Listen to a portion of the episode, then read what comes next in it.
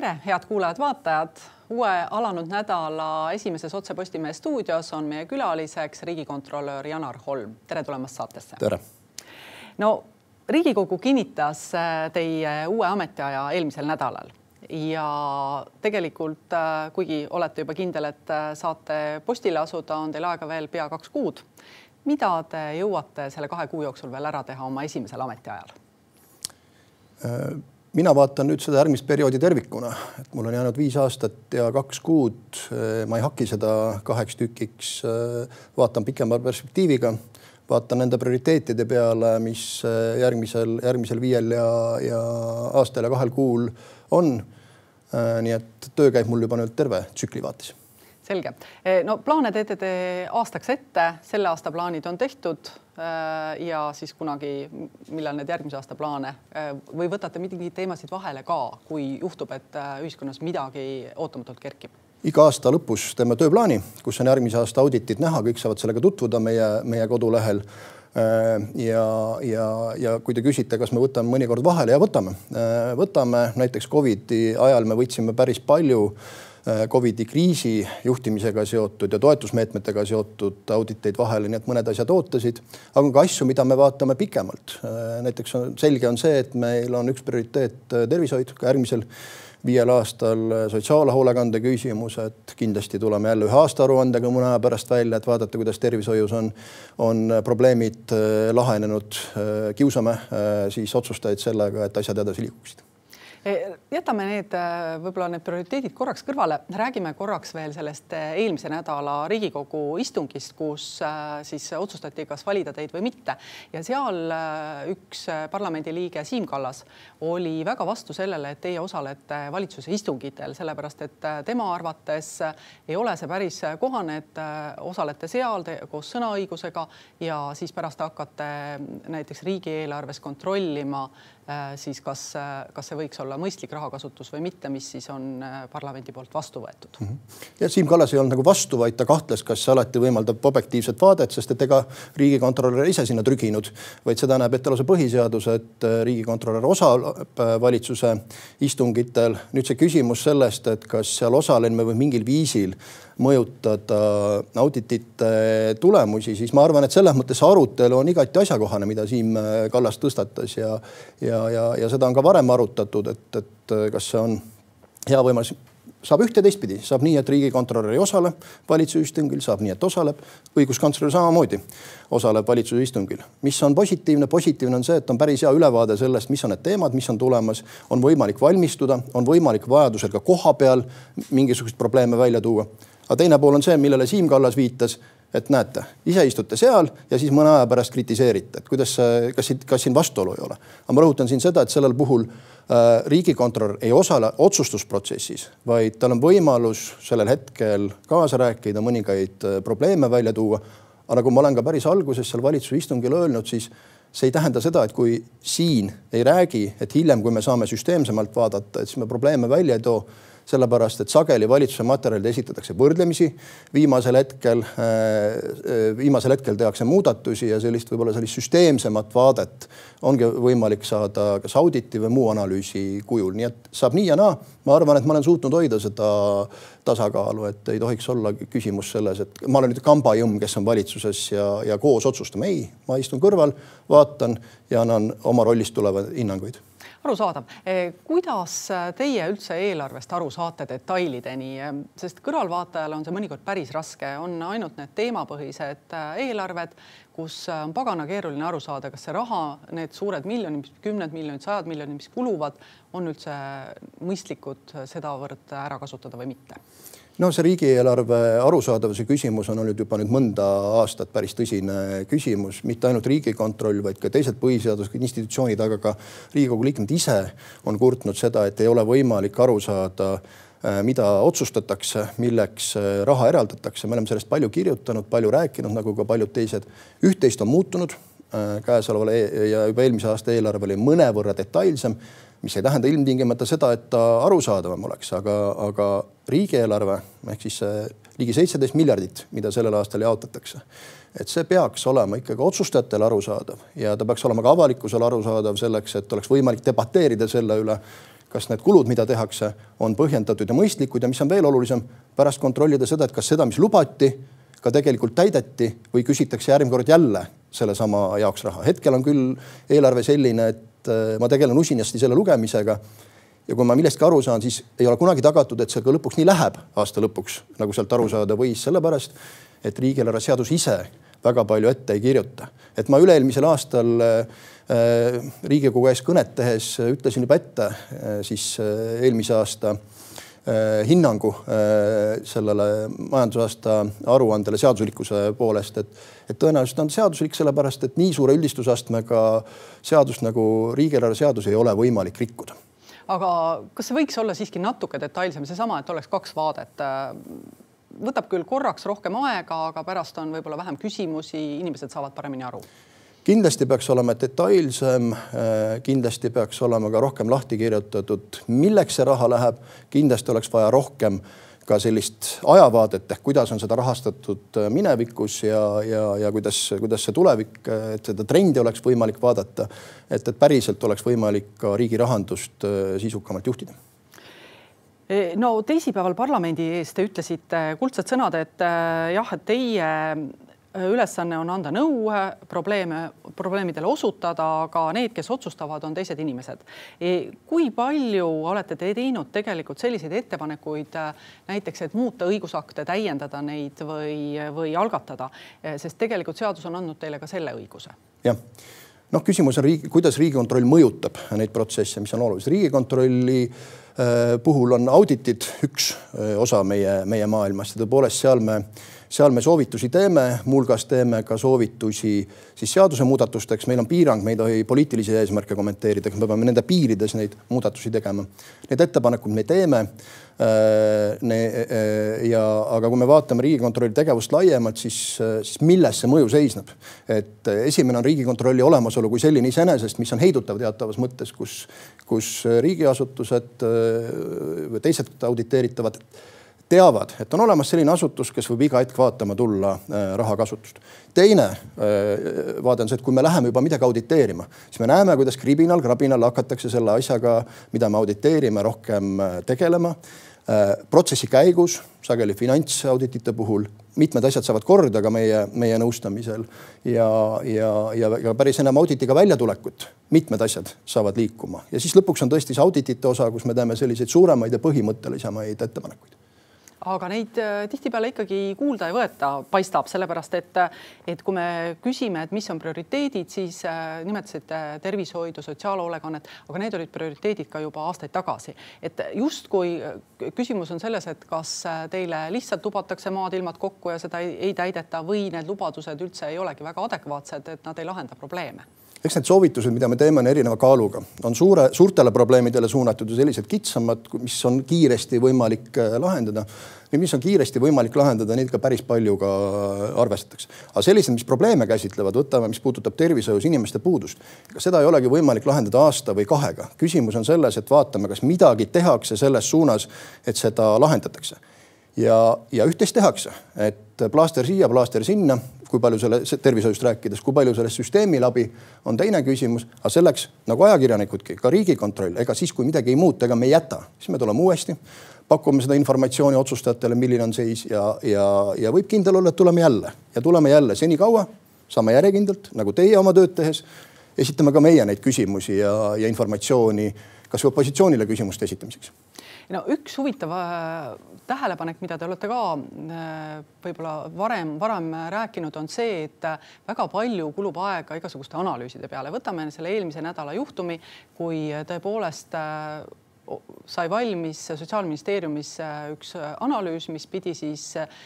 ütleme tavakodanike meelest andma lahendused sellele, et kuidas kaotada EMO Äh, uste tagant äh, kiirabijärjekorrad, kiirabiautode järjekorrad ja, ja kui analüüs, see oli sada viiskümmend viis lehekülge, sai valmis, siis selgus, et need on ainult äh, võimaluste loetelu, kuidas seda võiks teha. aga, aga lahendused tulevad alles kunagi hiljem, kui valmivad veel kolm analüüsi, mille pealt tehakse siis koond ja siis saadakse sisendid, kuidas hakata probleemi lahendama. see on noh, ütleme järgmise, ülejärgmise aasta lugu, et kuidas sellistest äh, noh, ütleme aja raiskamistest välja tulla, kui on vaja lahendada suhteliselt lokaalseid kriitilisi ülesandeid, kus inimeste elu on ju ka ohus?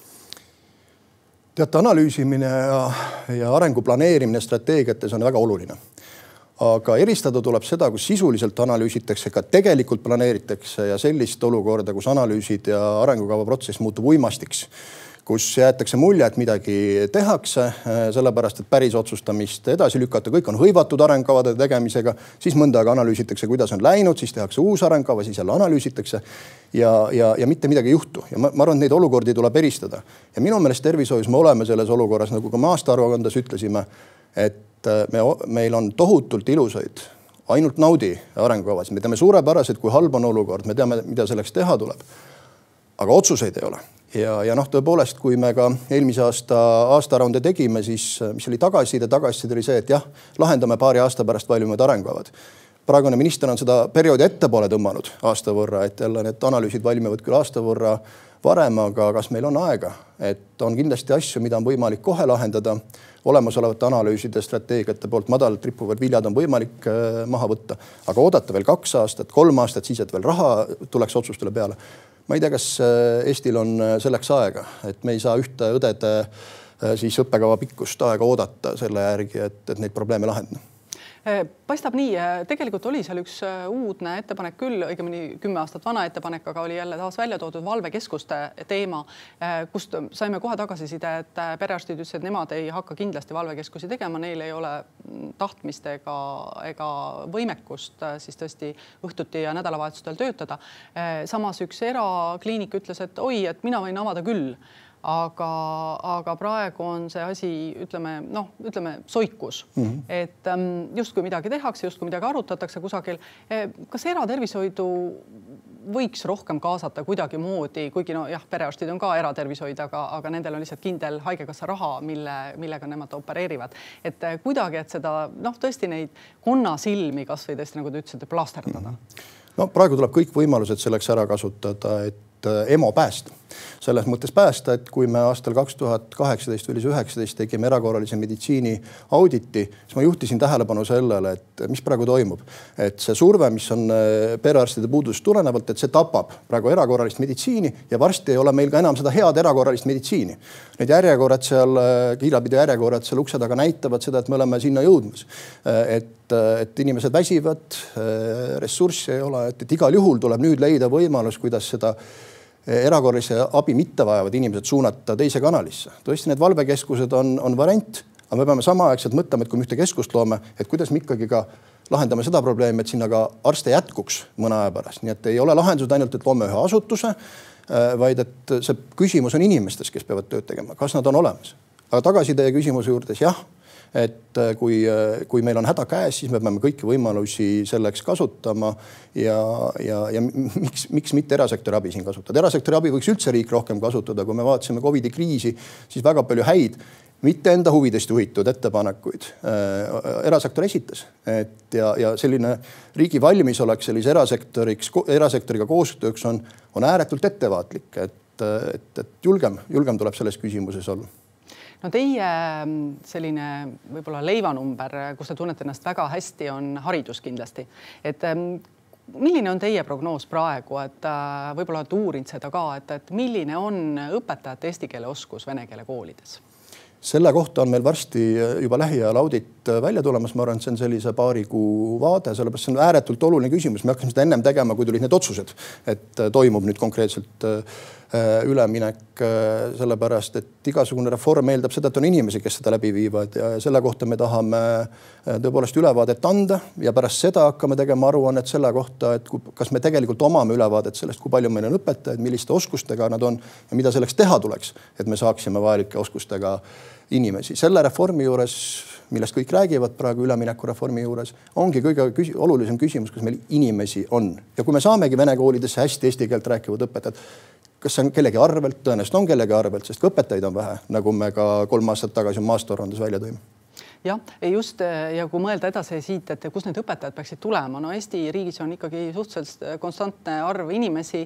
kahjuks töötegijaid jääb järjest vähemaks ja ega me ei saa ju ka arvata, et kõik noored tahavad minna õpetajaks, et pigem vastupidi, et need õpetajad, tulevased õpetajad tuleb leida natuke vanemate inimeste hulgast, et kas see tähendab nagu ülemaksmist või, või kuidas seda olukorda võiks üldse teoorias lahendada, et ma saan aru, et audit alles valmib konkreetne audit valmib, aga üks asi, mis ju läbivalt äh, erinevatest audititest äh, välja paistab, on see, et meil on igas valdkonnas inimesi puudu ja sealt, kus neid inimesi võtta, kas gümnaasiumi lõpetajad või siis tööturul ümber õpetada, neid on ikkagi piiratud hulk, meil on puudu arste, meil on puudu õpetajaid, meil on puudu IT-spetsialiste, kui me vaatame OSKA analüüsi, siis meil oleks palju suuremat Eestit vaja. OSKA analüüs on siis erinevate eluvaldkondade spetsialistide vajaduse järgi, et aga meil on selline Eesti, nagu meil praegu täpselt on ja me peame nende võimaluste piires ka oma neid avalikke teenuseid, on see haridus, tervishoid äh, lahendama. et äh, meil pole mõtet ette kujutada, et, et me suudame kõikides valdkondades äh, saada need inimesed, keda me tahame. ei suuda,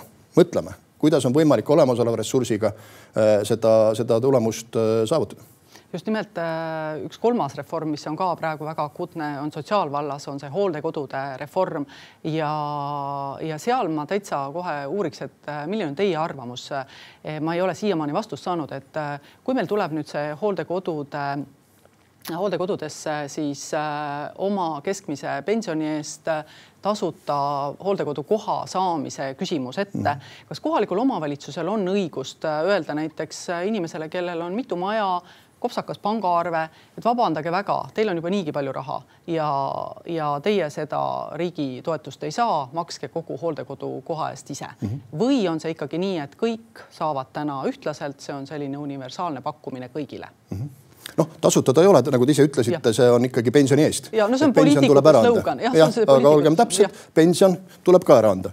ja, ja, ja aga see, mis teie küsimust puudutab, siis nii nagu mina aru saan, siis tõepoolest Äh, kui kellelgi on kopsakas pangaarve minevikust, äh, on, on vara, siis teda käsitletakse selles süsteemis samamoodi nagu neid, kellel seda kopsakat pangaarvet äh, minevikust või hulk, hulk, hulka vara ei ole. kui seadust vaadata, siis see ütleb selgelt, et on, on õigus sellel, lähtutakse siis nii-öelda jooksvast pensionist, kogumispensionist, vajadusel töövõimetoetustest ja siis sotsiaalmaksuga maksustatavast tulust. vara sinna hulka ei arvestata nii et äh, selliselt praegu käiakse välja, kas see on mõistlik äh, maksumaksja raha kasutus teie arvates? Äh, siin on kaks poolt, ühelt poolt tuleb alati toetusmeetmeid vaadata seda, et kas bürokraatia, mis on vajalik nende erandite tegemiseks, mis sellega kaasneb, selle kulu on põhjendatud. Teine pool ja mis on väga oluline, on see, et meil on Eestis inimestel tohutult palju äh, probleeme, erinevaid probleeme, on see hambaravi või on see toimetulek ja, ja seetõttu on ääretult oluline iga euro kasutada eelkõige selleks, et need, seda saaksid inimesed, kes seda toetust vajavad. nii et mida sihitatum on see toetus, erinevad toetused. Äh, seda parem. me tegime mõni aeg tagasi hambaravi äh, auditi. Ja noh, mis välja tuli, et tõepoolest nagu eesmärk oli, rohkem inimesi hakkas hambaravis käima, aga paraku mitte väiksema sissetulekuga inimesed, sellepärast et neil ei olnud võimalik ka seda väikest omaosalust maksta. Ehk teatavas mõttes selline hea toetav soodustus suurendas ebavõrdsust äh, tervishoius, et, et alati tuleb seda sihit, rohkem sihitud äh, toetust võimaluse korral vaadata. ja tegelikult, kui siis äh, võib-olla on vaja muudatusi kasvõi mingis uues reformis, siis mitte karta neid teha. Kindlasti selles mõttes ma arvan, et iga reformi puhul, eriti kui see toimub selli, selliste tõtakate sammudega, see on päris kiire menetlus, et siis on kindlasti mõtet ühel hetkel vaadata, analüüsida, nüüd oleks vaja analüüsida ja vaadata, kas on vaja midagi muuta või mitte. Ehm, räägime natukene Eesti digitiigrist, see on ka meil selline no ütleme, niisugune keeruline teema viimastel aegadel ja just äh, sellepärast, äh, mis puudutab võib-olla nende kõikide süsteemide turvalisust. nimelt äh, mõni aeg tagasi varastasid Vene häkkerid kümne miljoni austraallase terviseandmed. Ja kui neile keelduti lunaraha maksmast, siis nad hakkasid neid andmeid järjest otsast avaldama, et kõigepealt siis nende naiste andmed, kes olid hiljuti aborti teinud, siis nende inimeste andmed, kes olid kimpus vaimse tervise hädadega, alkoholismiga mm, kui kindlad on Eesti riigisüsteemid, riigi andmebaasid ja nende turvalisus, kas see on täna tagatud? ma arvan, et Eesti on andmeturvalisuse mõttes päris heas seisus, mis ei tähenda seda, et kohe järgmisel hetkel ei või midagi juhtuda, sellepärast et need, kes paha tahavad, nagu öeldakse, on selles valdkonnas alati sammukese ees ääretult oluline on, et eelmisel aastal lisaeelarvest anti raha siis täiendavalt andmeturbe jaoks, mida teha võiks, oleks see, et see raha oleks selline süstemaatilisem selleks, et, et andmed oleks kaitstud, sest et seesama olukord, mida te kirjeldate, mitte keegi ei taha seda, et nende isiklikud andmed äh, äh, välja jooksevad. selle nimel nähakse praegu vaeva, aga, aga see on nagu öeldakse, pidevalt tuleb joosta sellepärast, et paigal seista hiljuti valmis teil ka üks äh, audit, mis äh, tõsi küll, rääkis rohkem sellest, kuidas äh, need inimesed, kes nendele baasidele ligi pääsevad, millised õigused neil on, kuidas nad neid andmeid kasutavad. kuidas, millised on nüüd sellised põhilised leiud, mida te sellest auditist välja tooksite? Me vaatasime jah, sellist viit andmekogu, mis olid, olid, on rohkem, on sellise tundlike andmetega ja kõrgemas, kõrgemas siis astmes. noh, näiteks, näiteks oli seal siis sotsiaalkaitse infosüsteem, oli siis sotsiaalteenuste ja toetuste infosüsteem, karistusregister, väärteomenetlustega seotud register ja isik siis bio, bioloogi või siis need sõrmejäljed, pildid ja muu hoidmiseks ette nähtud Äh, andmekogu ja, ja, ja see, mida me välja tõime, on see, et, äh, et hetkel ei ole Eestis kohustuslik siis turva auditeerimine juurdepääsuga seonduvates küsimustes, et see võiks kindlasti olla, olla kohustuslik ja, ja, ja väga oluline probleem äh, on see, et, et on olemas logid. logi tähendab siis seda, et kui on võimalik, on selline andmerida, on võimalik vaadata, kes mida on infosüsteemis teinud. vot see on see koht mida, mida need andmekogude pidajad peaksid pidevalt jälgima, analüüsima, et äh, näha seda, et kas on mingeid anomaaliaid, kas on mingeid võimalikke intsidente, kas on võimalik mingisugused rikked, et ei oleks võimalik sellest, äh, sellest tulemüürist läbi tulla, mis, mis viib andmeteni. ja teine pool on see, äh, et need isikud, kes andmeid kasutada saavad, et kas nende isikute äh, ametnikud äh, kohalikus omavalitsuses riigis, et kas nende juurdepääs nendele andmetele piirdub teadmisvajadusega ehk nende ülesannete täitmiseks, mitte et vaatan, kuidas naabrinaisel läheb äh, tervisega ja toimetulekuga, vaid see peab olema põhjendatud, kas menetletakse midagi. et, et ja, ja noh, seal me tõime, tõime välja siis kahe andmekogu puhul on STAR, see on see sotsiaalteenuste ja toetuste andmekogu puhul, kus äh, on võimalik põhimõtteliselt vaadata ühe omavalitsuse töötajatel ka teisi omavalitsuste andmeid. aga miks, miks seda üldse tehakse? Äh, miks see, miks see on lubatud, et äh, noh, vaatan siin Tallinna omi ja vaatan Tartu omi ka no üks, üks, üks probleem on see, et ongi sageli toimetuleku toet- või siis erinevate toetuste, teenuste puhul on, on sageli vajadus vaadata ka teises omavalitsuses elava inimese kohta informatsiooni aga, aga see peaks olema sellisel juhul põhjendatud ja peaks olema piiratav ja seda tuleks ka aeg-ajalt kontrollida. seda, seda ei tehta. liiati on seal probleem sellesama andmekoguga, et seal on juba kaksteist aastat vanad andmed tavapäraselt ka arhiveeritakse ehk on võimalik minna väga kaugele äh, ajalukku, kus tegelikult teadmisvajadus sageli nende teenuste ja toetuste puhul puudub, aga saab seal on väga palju informatsiooni, äh, mis on võib-olla inimeste jaoks oluline, mida te ei taha, et vaadatakse Äh, või siis noh, äh, sotsiaalkaitse infosüsteemi see vana osa, millest loobuma hakatakse, kus põhimõtteliselt see inimene, kes, kellel on õigusametnik seal infosüsteemis oma ülesannete piires vaadata midagi, tal on võimalik vaadata ka teisi andmeid, mida tuleks piirata tegelikult? Äh, mida selle kohta öeldakse, et miks neil lubatakse vaadata, kas seal on jälle IT-inimeste vähesus? jah, infotehnoloogiline küsimus, eks see selgitus on see, et, et mis Kaisi puudutab, et tulebki uus äh, Skys kaks ja seal lahendatakse need küsimused ja, ja, ja noh, ka Stari puhul, et teadmisvajadus on, aga, aga, aga et noh, eks need arendused on, on üks küsimus. me oleme ju tegelikult, tegelikult nii-öelda Eesti on e-riik ja, ja meil erand, arendatakse uusi süsteeme. me oleme hädas nende vanade süsteemidega ja siis noh, see, see väljakutsete ring selle, nende probleemide lahendamiseks on väga suur.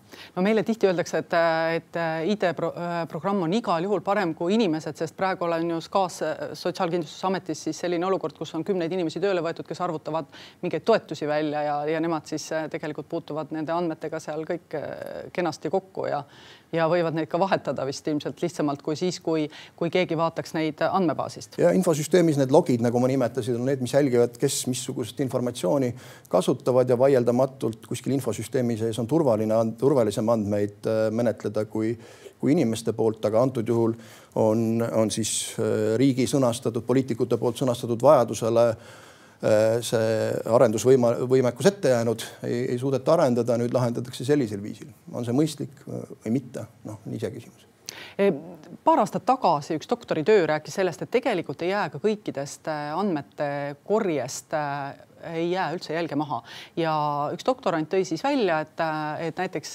digiloos need andmed, mida kasutatakse teadustegevuseks, et tegelikult inimesed sellest teada ei saa, kui neid andmeid on kogutud nende inimeste pealt, et, et kas teie arvates peaks seda ka kontrollima, vaatama, et, et kas ikkagi kõiki äh, päringuid logitakse üleüldse? Andmete omanikud on inimesed ja, ja neil on õigus äh, siis teada seda, kes Eh, ja mis andmeid eh, nende kohta kasutab, tal peab olema õigus ja võimalus küsida, miks seda tehti, nii et see, see peaks olema ikkagi ulatuslik õigus kõigi jaoks.